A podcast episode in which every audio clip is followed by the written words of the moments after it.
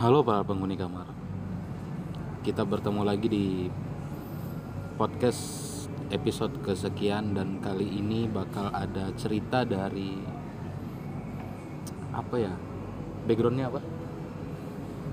Mahasiswa gitu aja. mahasiswa Mahasiswa yang mungkin memiliki eh, entah itu kelebihan atau apa yang didapatinnya dari kecil kayaknya mungkin cerita dari narasumber kali ini sedikit lumayan sedikit menarik.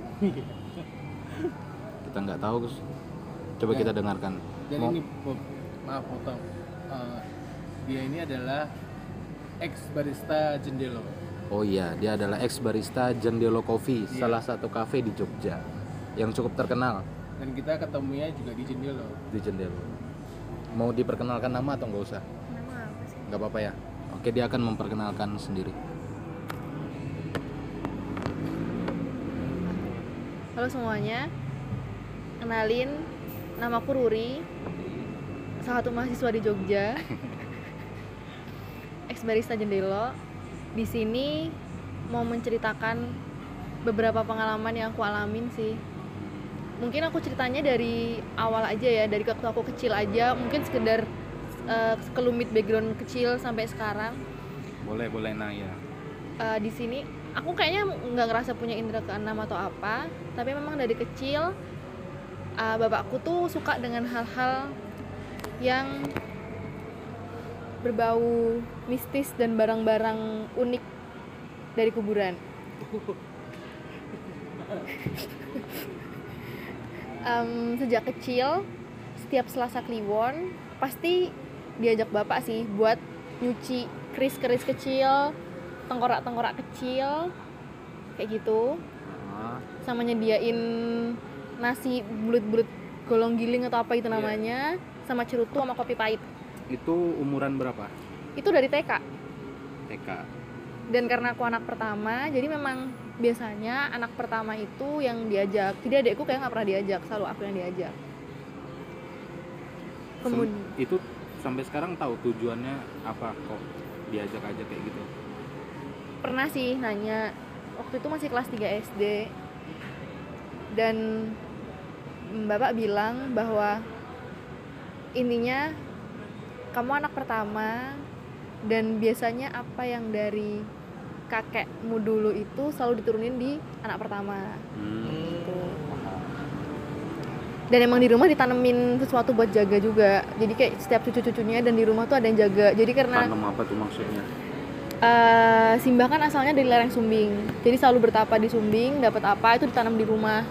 Kayak entah pusaka entah apa buat jagain rumah dan cucu-cucunya kayak gitu. Terus setiap apa-apa yang aku lihat itu kayak omnya ada aku ngerasa kayak punya teman kecil atau ada monyet atau apa yang terlihat di rumah itu selalu aku ceritanya ke bapak kayak gitu. Dan yang lain yang lain cuma aku sama bapak kayak gitu. jadi kamu sekarang posisinya nyadar sebagai apa kok Eh, dengan kondisi kamu yang kayak gini kan kamu nggak mau dibilang indigo kan kayak Mhm. gitu.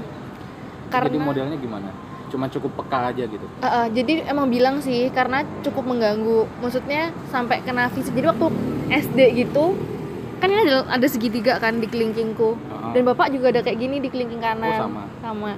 Terus ada dulu tuh sering ada bekas cakaran gitu. Nah, ini ini ini ini. Hmm oh iya iya. Di bapak ada di kanan. Jadi dulu sering kayak ada bekas cakaran atau enggak kadang kalau ngerjain ngerjain soal atau dengerin guru di sekolah tuh kan nggak fokus. Karena kayak ya udah kayak ada yang ngajak main kayak gitu dan cerita dan emang ibu bilang suruh ya udah nggak usah kayak gitu gituan buat apa? Jadi mending ditutup. Jadi kayak sering dibacain di pak kiai terus kayak ngaji ngaji kayak gitu. Terus emang ya nggak usah kayak gitu. Dan emang dari ibu sendiri nggak setuju kan? Terus emang barang-barangnya bapak itu udah dibuang kayak waktu aku SD kayak gitu.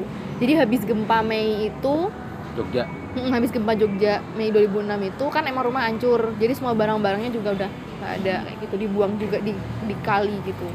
Pertama kali mengalami itu kamu sadarnya pas umur berapa gitu? Ingat nggak?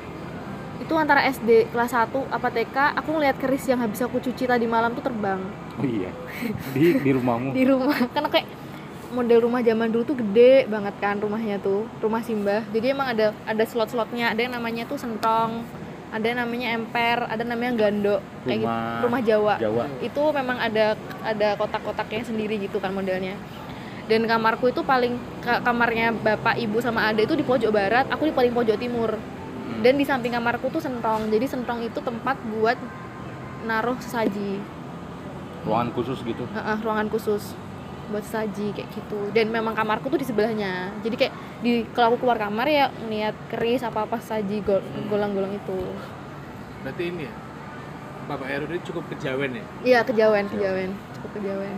Ada keturunan apa ini apa sih dulu tuh dapet kayak kayak piagam kekancen abdi dalam keraton gitu kekancan Oh, kekancen dari kekuncen kakekmu? Heeh, Oh termasuk dulu pernah abdi jadi dalam heeh, kayak gitu. Siapa gitu namanya? Gitu. terus ya udah kayak ngerasa mengganggu terus ya udah terus kayak ditutup kayak nggak usah nggak usah mencoba mencoba cari tahu biar kepekaannya turun kayak gitu. Dan itu kan tadi backgroundnya ya? Mhm. Dan sekarang kamu cerita tentang apa nih? Mau cerita di salah satu pengalaman waktu aku datang di salah satu tempatnya KKN teman aku di Wonogiri. Itu kejadiannya? Kejadiannya Sekitar kapan? tahun ini kemarin. Atau- oh, baru Kayak kemarin. tahun kemarin tahun kemarin. Coba silakan diceritakan yang itu. Jadi eh, kenapa aku diajakin ke tempat KKN ku di Wonogiri itu? Karena teman aku ini sahabat aku ini mulai peka dengan hal-hal dunia lain. Itu tuh setelah pulang di KKN jadi sebelum KKN itu dia nggak pernah peka dengan keadaan dunia-dunia lain itu. Oh jadi kamu diajakin setelah dia selesai KKN Iya. kamu diajakin ke tempat situ lagi? Iya. Tem- Untuk temenin karena takut dia. untuk kayak mau main aja Oh, kayak gitu sendiri gitu. Terus emang dulu sempat cerita sih kayak kenapa setelah aku pulang KKN tuh jadi aku sering melihat-lihat yang tidak seharusnya aku lihat kayak gitu. Dan ternyata gimana ceritanya? Nah ternyata memang semengerikan itu jadi memang tempat KKN-nya itu di Wonogiri bagian atas. Kayak di salah di naik di kayak puncak bukitnya gitu di Wonogiri kayak gitu. Itu pas datang sih biasa ya kayak kita datang siang. Tapi waktu sore-sore jam 5 mau maghrib itu aku diajak ke kota. Tapi bukan lewat jalan gede yang jalan seharusnya tapi jalan potong biar cepet sampai di sana biar cepet sampai di kota padahal jalan itu jahatnya teman aku itu adalah dia nggak bilang bahwa bahkan warga lokal aja nggak berani lewat jalan itu kalau jam 5 saking karena kayak di Subuh tengah sore. hutan jam 5 sore. Karena udah mau maghrib dan emang kayak hutan-hutan gitu jalannya kecil terus kayak di tengah hutan kayak gitu. Eh Wonogiri itu mana sih mas? Sini Wonosari bukan? Wonogiri. Lagi. tapi masuk. Oh Jateng. Masuk Jawa Tengah. Kita kan emang kayak motoran berdua gitu kan. Terus kayak kita mau ke kota terus aku tuh cuma diem. Karena di situ ada satu pohon besar pohonnya besar banget di belokan gitu yang isinya banyak banget. Mbak-mbak kuntinya. Nah itu tuh ada yang ngikut. Terbang di belakang ngikut di belakang. Kayak awalnya kayak apa tau ini? Gitu kan. Aku mikirnya temanku nggak bilang bahwa bahkan warga lokal aja nggak berani lewat. Jadi kayak cuma lewat aja gitu terus saling diem doang cuma baca baca doa. Terus kayak ya udah sampai di eh, sampai di kota itu aku bilang kok lewat jalan itu? Kayak gitu. Biar cepat ke kotanya atau toh masih jam 5 kayak gitu belum maghrib. Sedangkan kan maghribnya setengah enam gitu kan. Terus nah kata teman aku itu emang aku tuh sebelumnya belum pernah lihat di situ. Tapi gara-gara lewat jalan itu seluruh teman KKN ku tuh ngelihat macem-macem dan tapi yang dilihat beda-beda. Oh semua teman KKN yang lewat heeh, itu. Jadi ngeliat Auto cuy. Auto kebuka. Anjir. kayak gitu terus di spot yang sama itu yang kamu Hmm, spotnya beda-beda Oh, kan emang beda-beda. jalannya lewat gitu kan jadi kayak di sini kayak ngeliat mbak apa di sini lihat anak kecil lihat apa kayak gitu tapi semuanya diem baru cerita setelah sampai pondokan kayak gitu terus pulang dari kota itu kan lewat jalan normal tapi hujan posisinya gerimis gitu mau balik ke rumah ibu pondokannya nah aku tuh melambaikan tangan kayak dada gitu loh kayak nyapa. Aku pikir karena ya itu kan di desa jadi kayak permisi atau iya gitu kan. Terus temanku nanya loh dada sama siapa? Kayak gitu. Lah itu ada anak kecil di atas atap. Aku yang mikir juga kenapa aku bisa ini mikir di atas atap ada anak kecil jadi aku ngeliat ada anak kecil. Nggak ada siapa-siapa kayak gitu. Oke. Terus kayak aku mikirnya loh kayak dari semenjak yang waktu aku kecil sampai gede itu kan kayak aku ya udah kalau lihat pun cuman satu tapi kayak samar-samar doang gitu loh cuman kalaupun capek cuman ber doang atau enggak Iya. kayak langkah kaki doang atau kayak lihat tapi kayak nggak sengaja gitu. Yang itu kok kayak lihat dengan sangat jelas gitu kan. Aku pikir itu manusia. Aku kayak ya orang kayak yaudah itu juga hujan gitu udah jam 6 lebih kayak yaudah aku cuma yang permisi atau nggak jadi ada doang. Tapi nggak ada siapa-siapa Tapi di atas atap, atap itu ya. Heeh, aku juga nggak mikir aku juga nggak mikir aku mikirnya ya kayak anak kecil itu satu ya udah nyapa gitu kan aku Tapi mikirnya. bentuknya normal kan kayak manusia biasa. ya kayak anak kecil main gitu kayak main hujan aneh-aneh. gitu heeh. main hujan tapi di atas atap terus kayak kita nggak berani keluar sih malam-malam tuh nggak berani keluar kayak emang mencekam gitu suasananya biasa terus pulangnya nih besoknya pulangnya itu hujan juga sore juga jam 4 sih kayaknya apa jam 3 habis asar gitu. Tiba-tiba tuh aku nanya ke temanku sih karena aku bilang lampu motornya udah dinyalain belum? Kan emang motorku selalu aku matiin lampunya tapi harusnya kan dinyalain kan. Itu masih kan masih terang kan jadi masih belum kelihatan lampunya nyala apa enggak. Terus aku bilang lampunya dinyalain belum? Oh iya belum kok tahu? gitu. Aku tuh ngerasa ada yang bisikin aku bahwa mbak lampunya kayak gitu. Sedangkan itu musimnya hujan semua orang tuh di dalam rumah dan gak ada motor pawasan Aku bilang tadi dia ngasih tahu. Ya udah jalan aja. Kayak gitu. Dan kita cuma di jalan tuh yang ya udah. Ya udah kayak kita punya cerita masing-masing gitu sama perjalanan. Tapi kayak perjalanan di Wonogiri tuh kayak wah pantesan kayak temen aku jadi lebih peka karena memang sebanyak dan mungkin mereka punya energi kuat untuk muncul di depan kita kayak gitu.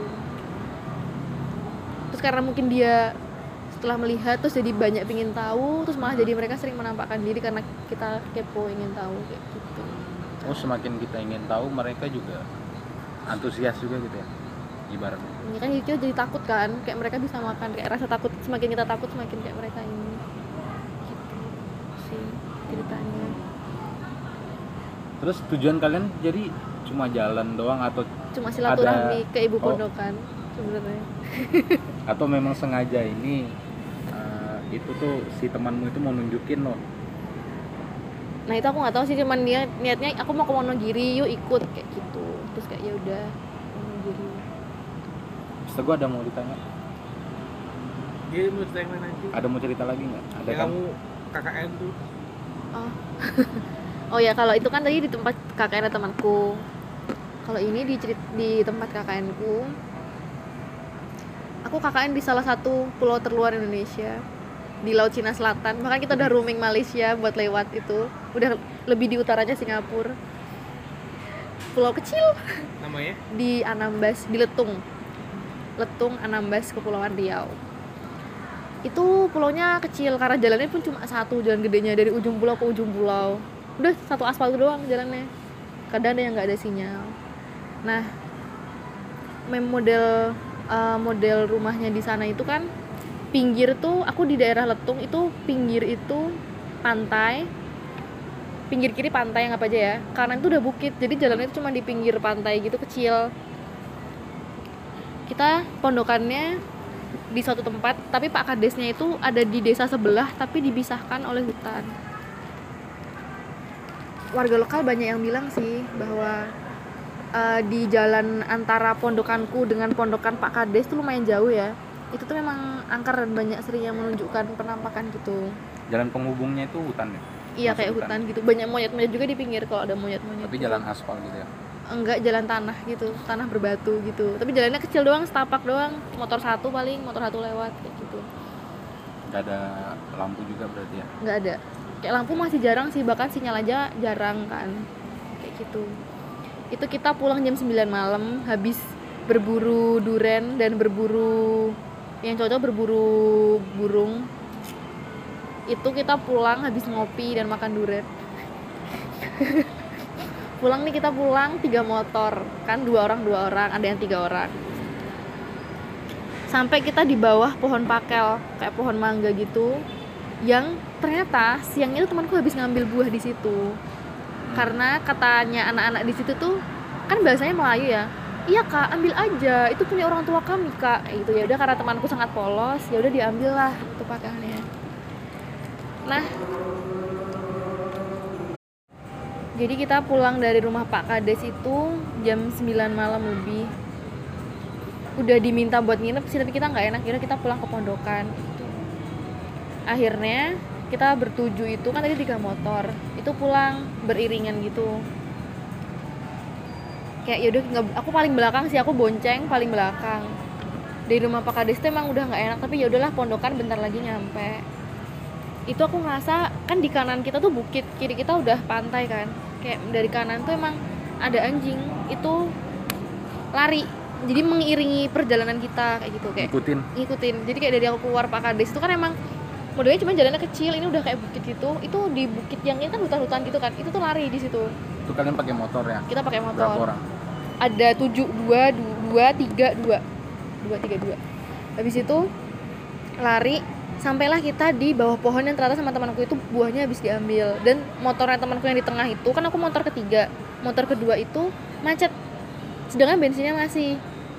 Terus akhirnya temanku itulah si cewek itu yang bonceng itu langsung yang mutah-mutah gitu. Emang dia pakainya kalau udah begitu kayak apa kalau ada apa-apa yang aneh tuh dia mutah kayak gitu langsung bonceng yang depan.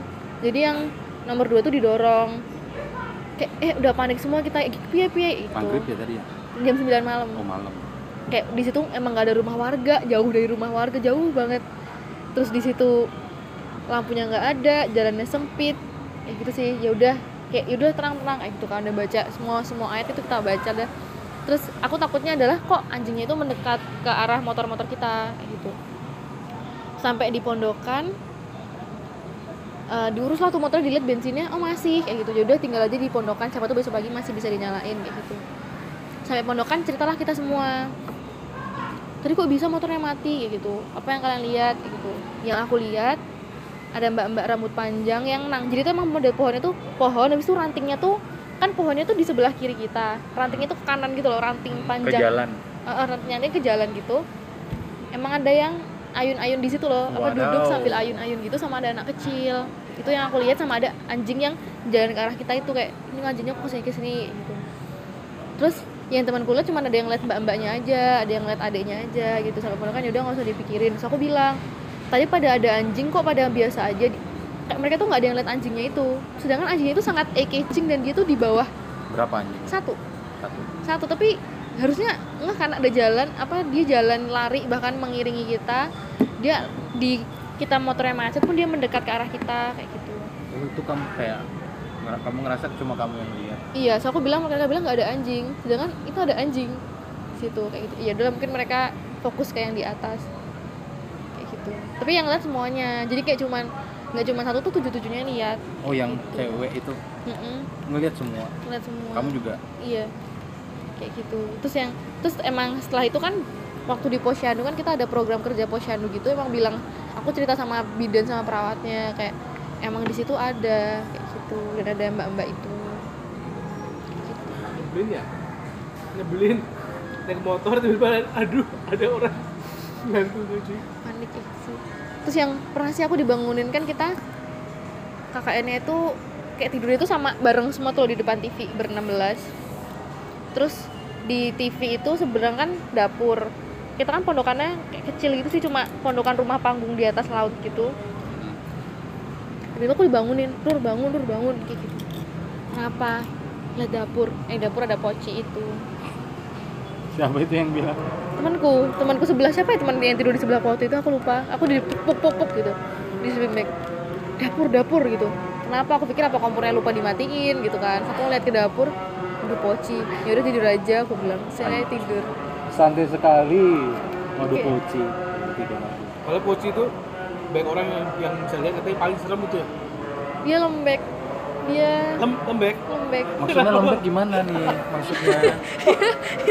Kok lembek? Lemas lesu gitu atau iya terus kayak enggak sih kayak dia ya lembek. Lembek. Apa? Lembek. Gini gini gini. Goyang-goyang gitu dia iya lembek teksturnya lembek lembek. Oh. Lembek.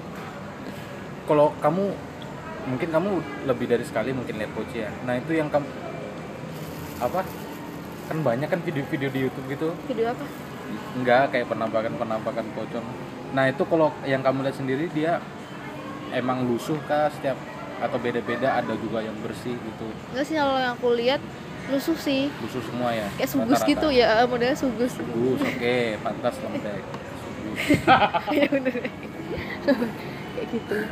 Terus ya udah terus tidur. Kan tengah setengah sadar juga kan nggak lihat dapur. Terus tadi pagi dia terus paginya dia marah-marah. Aduh kayak gitu temennya panik malah ditinggal tidur. Ya aku harus gimana kan? Oh yang temanmu tuh ngelihat juga? Iya jadi dia bangunin aku karena lihat itu di dapur dapur dapur gitu. Terus aku lihat ke dapur.